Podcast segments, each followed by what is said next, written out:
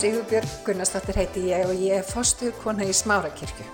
Við langar til þess að bjóða þið velkomin í hlaðvarpan okkar en hér ætlum við að tala uppbyggjandi og hvetjandi orð. Ég vona svo sannlega að þetta blessi þig og hveti þið áfram til að gera góða hluti í lífinu.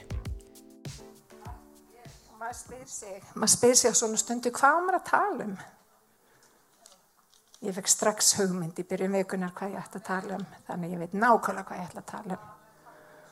Halleluja, hann segir minn frið gef ég yður. Minn frið gef ég yður. Ég ætla að tala um óta í dag og hvernig við getum sigrað óttan. Hvernig við getum lifað lífi sem er í gnæð, jafnvel þótt að kringustæðna séu aðstæðjandi. Og ég ætla að gefa ykkur nokkur ráð til þess að gera einmitt það. Því að við þurfum að ráðum að halda og það er svo mikilvægt að leita þá ekki langt ef við skamt leita þar sem að, að sannleikurinn er. Og það er að sjálfsögja biblíunni. Það er sannleikurinn. Það eru mjög margir sem hafa haft samband við mig í þessari viku og síðustu viku. Og, og fólk er eðli mál sem samkvæmt það er óttastleið og það veit ekki alveg hvernig það á að, að líða hvað það á að gera. Og mjög margir hafa líka sagt um mig, veistu það Sippa, en ég trú á Jésu en ég hef samt áhyggjur. Og mér langar til þess að gefa ykkur hérna í dag nokkra hluti sem hafa gagnast mér. Og ég ætla svolítið að tala út frá sjálfur mér og hvernig ég hef nálgast hlutin að hinga til. Því ég farið í gegnum svona tímabill þar sem hefur komið mjög mikil ótt í líf mitt. En mér langar til þess að byrja því að fara í Rómöðurabrifi 12. kabla og í fyrsta vessi byrjum þar. Því bríni ég auður sískin að þeir vegna miskunar Guðs bjóði fram sjálfaður að lifandi heilari Guði þóknarleiri fórn. Það er sönn og rétt Guðstyrkunna viðar hendi. Fylgið ekki hátt sem með þessa heims, heldur láti umbreytast með nýju hugarfari og lærið svo að skilja hver sé vilja Guðs, hefur góða fagra og fullkomna. Og ég ætla að lesa hennar reytingastaf aftur og það hefði mig gríðarlega mikill sannleikur í þessum reytingastaf. Því brín ég auður sískin að þið vegna miskuna Guð spjóði sjálfaðið fram að lifandi heilar í Guðið þóknarleiri fórn. Við eigum sérst að vera fórn. Það er sönn Guðstyrkuna við er hendi. Fylgið ekki hátt sem er þessa heims og hvernig er hátt sem er þessa heims akkurat núna? Það er mikill ótti, það er mikill kvíði. Og við ætlum ekki að fylgja hátt sem er þessa heims. Við ætlum að umbreytast með hennu nýju hugafæri og læra svo að skilja hver sé vilja Guðs hefur góða, fagra og fullkomna. Það er því mikilvægt til þess að upplifa hefur góða, fagra og fullkomna að við umbreytum hugarfæri okkar þetta byrjar alltaf hugsunum. Og fólk segir við menn ég ræði ekki hverju hugsa. Það er ekki alveg satt. Við getum nefnilega herrtekið hugsanir okkar til hlýðni við Krist. Og biblían er svo skýr um það hvernig við gerum það og hvernig við eigum að gera það. Og það er ekki nóvinir það er ekki nóg að heyra Guðs orðið hérna. Sangkomi eftir sangkomu sangkomi eftir sangkomu við heyrum eitthvað sannleik En þanga til að það fyrir að vera virt í okkar lífum og vera raunveruleg reynsla sem við byggjum líf okkar á, þá gerir raunin sannleikurinn ekki mikið sem slíkt. Meiri segir talað um að þekkingin, hún blæs menn upp. Þannig að þekkingin er ekki nóg, það er ekki nóg að hafa þekkingu í hausnum, hún verður að fara ofan í hjartað, í gegnum viljokkar, hálsinni takkmynd upp á viljokkar og við þurfum að auðmyggja okkur undir orgvus og Og, og við þekkjum það klálega úr íslensku samfélagi að, við erum öll meir og minna algjöri næringar sérfræðingar. Það er rosalega mikil, hérna, mikil þekking sem býr hjá Íslendingum. Við erum rosalega vel upplýst. En þýðir það að, að við göngum öll mjóa veginn hvað varðar næringu og, og góða hætti? Nei, alls ekki. Við erum nefnilega full af hérna, lífstílstengtum sjúkdómum sem er vegna þess að, að þekkingin hún er ekki komin í praktisk. Hún er ekki orðina praktik í okkar lífi. Við erum ekki farin að ganga út á það þekkingu sem við höfum. Það sama gildur um orgvöðs. Það sama gildur um orgvöðs. Það er svo mikilvægt að heyri ekki bara, heldur að stíga út á það sem orgvöðs segir. Og, og, og vinir, orgvöðs er svo sannarlega með lausn inn í aðstæður okkar í dag. Orgvöðs meðal hann að segir við eigum ekki að hafa áhyggjur. Við erum að varpa allri áhyggju yfir hann því hann ber ummyggju fyrir okkur. Þannig í dag þegar við upplifum að við séum að, að glíma við kvíða eða streitu eða áhyggjur, þá segjum við bara drottin, ég ætla að gefa þér þetta. Ég ætla ekki að burðast með þetta. Ég ætla ekki að vera að bera þetta á mínum eigin herðum. Ég ætla að gefa þér þetta. Því ég veit að þú berð ummyggju fyrir mig. Þú berð þetta miklu betur en ég. Þannig að prófum það í dag.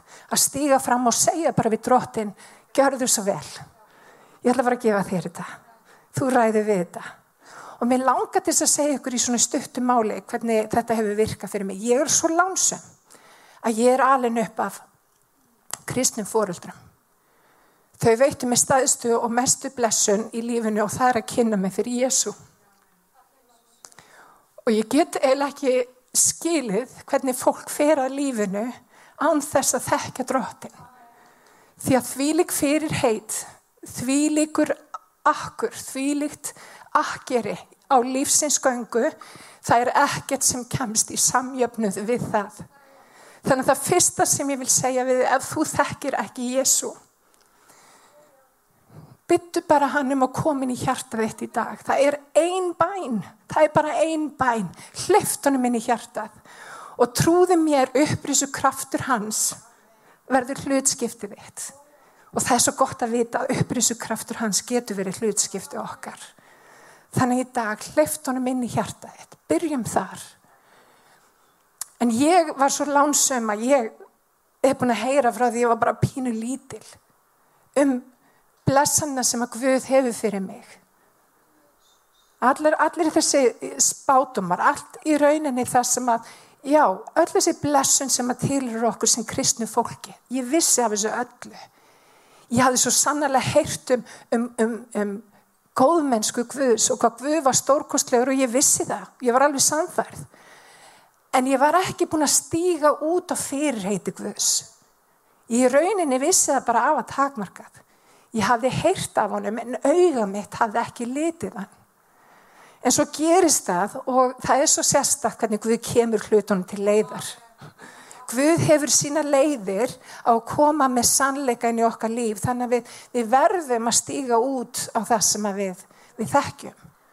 Og það gerist fyrir 20 árum síðan að við, ekki bara ég, heldur við fjölskyldan fórum í gegnum alveg ríkala, ríkala erfiða kringumstæður og, og, og bara virkilega erfiðar. Amma mín Sippa var tekinn frá okkur með mjög sviplegum og hræðilegum hætti. Og í kjölfari fóru við bara sem kirkja í gegnum bara mjög erfiðar einslu og það er eins og þeir segja í bandaríkjunum when it rains it pours. Hafi ekki tekið eftir því? Það er eins og eitt áfall einhvern veginn það koma fleiri og tengjast í og við sjáum það núna með þessa plá og það, það getur haft meiri afleggingar í viðskiptarlífinu og svo framvegis en það er til von. Það er svo sannlega til von. Og allavega á þessum tíma þá var eins og hvert áfalli dundi yfir og fætur öðru. Og ég var algjörlega frá mér nömin af kvíða og vanlíðan og óþælum tilfinningum sem að bara sprungu í hjarta mínu. Og ég leiði að reyðra um sig. Og, og það sem að gerist er það að það komi ávextir slæmir ávextir inn í líf mitt vanlíðan var ekki bara eitthvað svona sem ég fór í gegnum þá, hún var viðvarandi í mínu lífi. Ég var stöðugt í vanlíðunar kasti. Það má eiginlega orða það þannig. Ég var orðin þunglind, ég var orðin reið, ég var líka orðin bitur. Og fólk sem þekki mér í dag viti að ég er ekki bitur manneska. Ég er mjög auðvelt, held ég, frekar auðvelt með að fyrirgefa sitt frekar þarna til þess að vera ekki aðeins svona. En ég á mjög auðvelt með að fyrirgefa í dag. En þarna var ég komin algjörlega í strand. Ég var komin, í, komin á bara mjög erfiðan stað og, og, og vissi bara ekkert í hvort fótinn ég átt að stíga. Hafði alla þessa þekkingu en, en þekkingin var ekki að neini í mínu lífi öðru en, en það að var bara þekking. Ég var ekki tilbúin að stíga út á Guðs orðið og, og gera það sem þurft að gera. En sem betur fer helt Guð áfram að banki hjarta mitt og það er það sem að Guð gerur og, vitið það þeir sem eru að horfa Guð er okkar núna að banka hjarta þitt. Með mínum orðum, með fólki kringum þig þá er hann að banki hjarta þitt og hann er að segja, viltu hleypa mér inn? Og vinir, líki latriði er að þegar við hleypum Guði inn þá fer hann að starfi í líf okkar. Það mun aldrei riðjast inn í lífið þitt og gera hluti sem að þú ert ekki búin að bjóða hann um að gera. Þannig hann bankar í hjartað. Og hann er að banka mitt hjarta í dag og ég veit hann er að banka fleiri hjörtu. En þarna var hann að banka mitt hjarta og segja bara að Sipa vilt ekki hleypa mér að. Og ég var mjög oft og mjög lengi búin að segja nei dróttin ég er bara reyð ég var alltaf að hengi Jóhanni sýstur og Jóhanna var hann í þunglita hvernig ég talaði hann og, og öfugt. Og hún var, hún saði mér það setna mér hún kveið alltaf þegar hún svo númerið mitt. Hún alveg, ó oh, no, Sipp er að ringi mig. Þetta er ekki gott en allavega, við vorum ekki hjálp fyrir hver aðra ég var allavega ekki hjálp fyrir hana en við vorum hérna í vanlegan og ég var í vanlegan en svo kom það einn dag hérna að Guð bara talaði til mín og hann sagði við mig Sippa Þetta er bara það sem það er. Reynsla þín er bara það sem það er og þú þarfst að fara að sætta þig við orðin hlut. Þú þarfst að fara að sætta þig við orðin hlut og vinir, það er nummer eitt. Það er alls konar hlutir sem að gerast í líf okkar sem að við erum kannski ósátt við.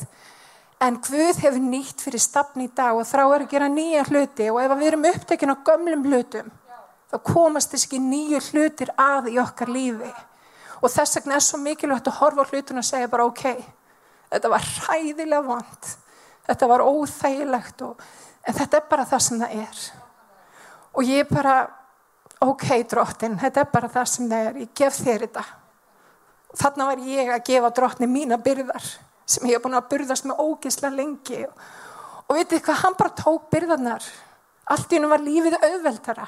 Og ég allt í húnum fannst eins og ég gæti bara andað í fyrsta skipti í 2-3 ár. Ég bara gæti andað. Og vinir, það er kannski einhver hér sem er að horfa á mig sem að kannski skildi fyrir 10 árum eða 15 árum. Ég hitti fólk sem að er að tala um skilnarsinn sem átti sér stað fyrir 15 árum síðan. Let go. Það er svo mikil, mikil blessun í því að sleppa tökunum. Fyrsta skrefið er að sleppa tökunum. Segð bara drottin, þú gafst og þú tókst. Lofa verði nafn þitt. Og þegar við gerum það vinnir, þegar við fyrir að lofa Guð í kringustafanum og segja bara, herðu, þetta er bara það sem þið er, en ég kýsa að horfa á þig, að þá gerist eitthvað. Og það er það sem gerðist í mínu lífi. Ég fór að sleppa tökunum. Ég gæti ekki haft stjórna aðstæðanum, ég hafði, ekki, ég hafði farið í gegnum erfiðar hluti, gæti ekki haft stjórna þetta, þetta var útkoman og hún var ekki blessun fyrir mig. Þannig ég og allir tókum á það ráð að gera með okkur samkomiðlag um hvernig við myndum halda áfram inn í framtíðina. Við tókum það ákvörðun að láta orðið ekki bara vera þekking, ekki bara þekking, heldur viska. Viska sem að, sem að varða í veginn fyrir okkur til framtíðar. Og þetta samkomiðlag okkar á milli var bara mjög einfalt. Við settumst niður og við sögum, hei, þetta er ekki að virka. En við vitum hvað virkar. Við vitum að orðvus virkar. Við vitum það að við eigum ekki að vera í þessu volaði. Við eigum að fara að tala yfir okkur blessum vus. Við eigum að fara að tala yfir okkur framtík vus. Og við tókum ákvörnum á þessum degi að hætta tala illa eða með neikvæðum hætti um annað fólk. Og líka um okkur sjálf, um þær aðstæðar sem við værum í. Sleppa tökunum og fyrirgefa. Vinni, það er svo mikið, er svo mikið frelsi að fyrirgefa. Halda áfram með lífsitt og fyrirgefa. Og við gerðum það þarna og við tókum ákvörðin og vitið aftur. Það var bara eins og 100 kíl og hafði verið tekin af herðum okkar. Því að við eigum að stíga fram í því sem við heyrum og við heyrum það um hvern einustu helgi.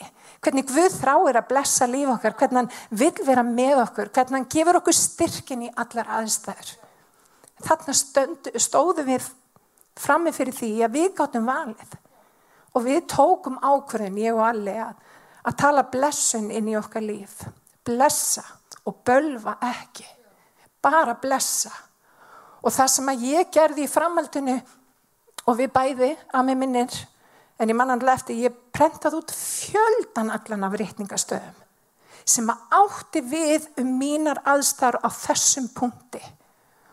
Og ég prentaði út og ég setti þetta inn á speilin, inn á baði, fullt af rítningastöðum, allt megna ég fyrir hjálpan sem er styrkan gjörir.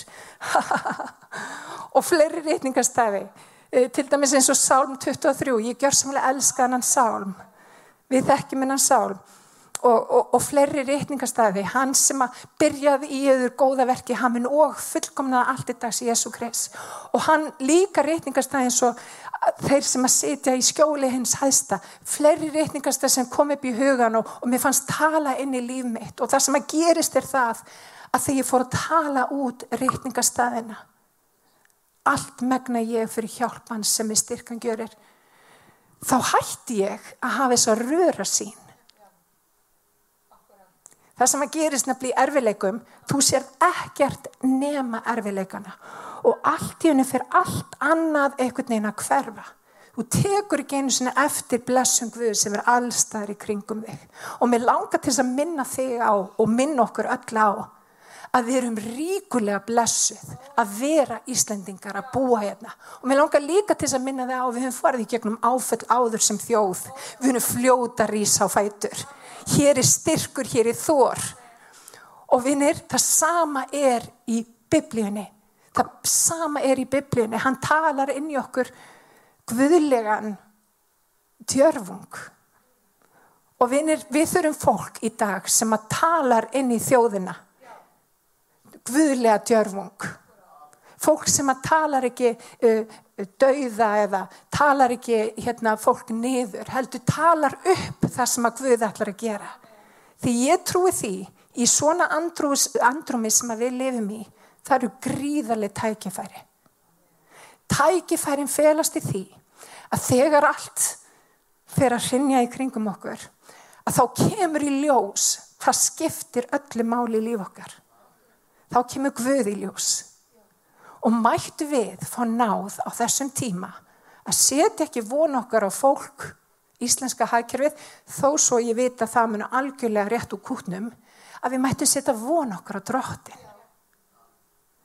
og ég ætla að segja þetta aftur. Mættu við fá náð í þessum kringumstæðum að setja ekki von okkar á fólk heldur að setja von okkar á drottin tala út það sem að drottin hefur bóðað fyrir landið okkar, fyrir okkur sjálf sem einstaklinga, fyrir fjölskyldun okkar.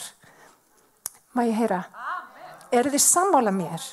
Það ætla ég rétt að vona.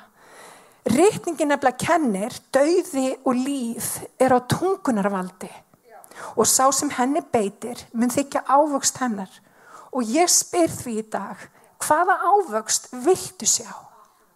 Hvaða ávöxt langar þig að sjá í lífiðínu? Veistu það að það er á þínu færi? Það er á mínu færi.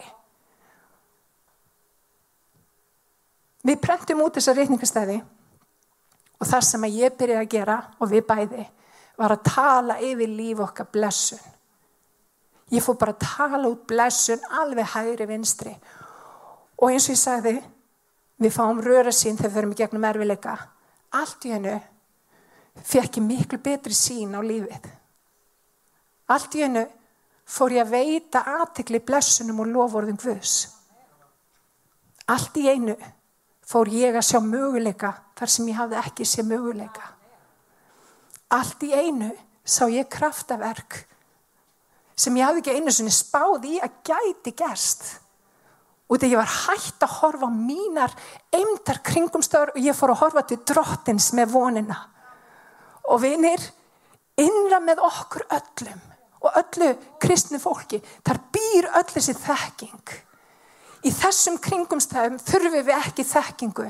Við þurfum visku. Við þurfum að stíga út á það sem við vitum að er rétt og vitið það við mun sína sér máttkann Það sem mér langar til að gera núna er að, að kalla út, skora fólk, að stíga í skarðið. Reykningin talar um að stíga í skarðið. Hvað þýðir það? Við erum að byggja múra Guðsríkisins. Við pössum upp á það að það sé fyllt í öll gött. Og það sem við eigum að gera sem kristis fólk, við þurfum að fara að tala út þá blessun sem að Guð hefur fyrir okkur. Og vitið það, ég er byrjuð. Mín fjölskyldi byrjuð en ég skora okkur öll. Tökum stöð okkar. Þurfum að byggja fyrir landin okkar. Á morgun þá er bænadagur. Eh, já, á morgun verður líka 20. Það er 2003. morgun á milli 12 og 1 að þá verður bæn. Þá ætla öll veröldin að saminist í bæn og ég hvet ykkur til þess að taka stöð ykkar ákveður þessum tíma og fara að byggja. Og þegar við byggjum, ekki bara byggja eitthvað, við erum markvis í bæninni, tölum blessung vus, tölum lækningu, út af því fólk þarf að heyra sannleikan, það þarf að heyra það sem að skiptir máli, tölum lækningu vus inn í líf um, Íslendinga, inn í líf alls heimsins. Halleluja. Má ég heyra? Takk Jésús. Amen. Takk Jésús. Jú, alveg klálega. Hvað þurfum við að gera í þessum kringum stæðum? Við þurfum að endur nýja hugarfarið okkar. Til þess að við fáum að upplifa hver sé vilja hvus, hér góða fara og fullkomna, þá verðum við að endur nýja hugsun okkar. Og við endur nýjum hugsun okkar með því að stíga út á orðið. Við erum ekki bara heyrendur, heldur vera líka gjörundur. Og allt í húnum fyrir hugsun okkar að breytast. Allt í húnum fáum að sjá hverju vilji Guðu sig góða, fagra og fullkomna. Vitið það, drottin er ekki búin að missa tök á þessu ástandi. Mér langar bara, bara að gefa ykkur það. Svo sannarlega ekki. Og reyndar getur þetta ástand gert ímislegt.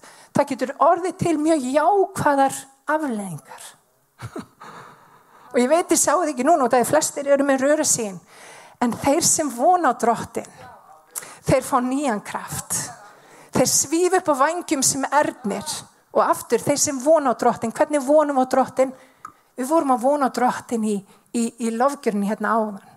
Hvað vorum við að gera? Við vorum að stækka Jésu. Við vorum að stækka drottin Guð og við þurfum að gera það ekki bara í hálftíma 45 mínutum á sunnudöfum. Við þurfum að gera það alla daga. Við þurfum að stækka drottin. Við þurfum að stækka fyrirheiti hans. Allt sem þú veitir aðtegli það vex. Veitur lofvorðin Guðs aðtegli. Vertu vissum það að hann mun aldrei yfirgefa þig. Hann mun aldrei sleppa þér hendinni niður yfirgefa þig. Þú ert algjörlega örugur eða örug í hans hendi. Þannig í dag endur nýjum hugar far okkar. Því að þá koma ótrúlega skemmtilegar og góðar afleðingar, ef svo má segja, í ljós. Hann segir hjarta eða skjálfist ekki. Trúið á Guð og trúið á mig. Halleluja. Takk Jésús. Þannig að þetta er það orð sem ég vil bara gefa ykkur í dag. Ég ætla ekki að hafa þetta neitt rosalega langt. Mér langar bara til þess að skerpa á því vinnir. Um leið og við þurfum að veita aðtegli í lofunum Guðs, þá fara hlutir að breytast í kringum okkur. Og svona rétt í lokin, það langar með þess að minnast að það. Við allir gerðum einmitt það. Líf okkar breytist á einu ári algjörlega. Algjörlega. Ég er ekki bara að segja þetta bara svona til þess að uppverfa ykkur. Ég hef reyndið þetta. Ég hef prófað þetta. Og mér langar til þess að segja við því þetta virkar. Orgvöðs virkar.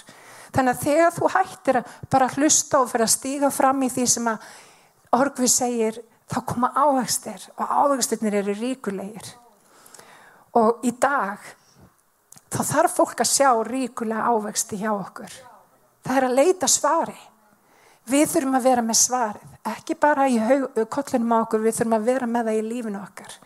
Við erum, erum biblían sem að fólk les. Ég er stundum eina biblían sem að fólk í kringum mig les. Ég þarf að vera, þarf að vera með ávöxti, sambúðnir, yðruninni eins og, og reytingin kennir. Má ég heyra með henn? Þannig í dag, það langt mig til þess að hvetja ykkur í staðin fyrir að upplifa óta og kvíða. Tökum ákvörðun um að sætt okkur við þetta en að tala jafnframt út það sem að drottin hefur sagt. og sjáum hvernig Guð kemur með svar inn í kringustæður okkar. Mér langar líka bara til þess að hvetja ykkur. Tökum stöð okkar.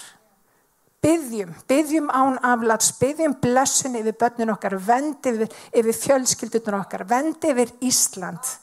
Þetta verist fara eins og einhver algjör, eh, eins og eldur um sinu, um alla veröldina. En vinir, við höfum kraft í bæninu og við ætlum að standa, við ætlum að standa vörðum það sem skiptir máli ekki satt. Og mætti þessar kringustæður fær okkur nær drotni að við mættum eiga dýbra samfélag við drottin í kjölfarið á þessum kringustæðum. Má ég heyra með? Amen. Við langar þess að Ég hveti til þess að stilla inn á okkur með reglum hætti því að hér verður alltaf eitthvað nýtt á nálinni. Takk fyrir að hlusta.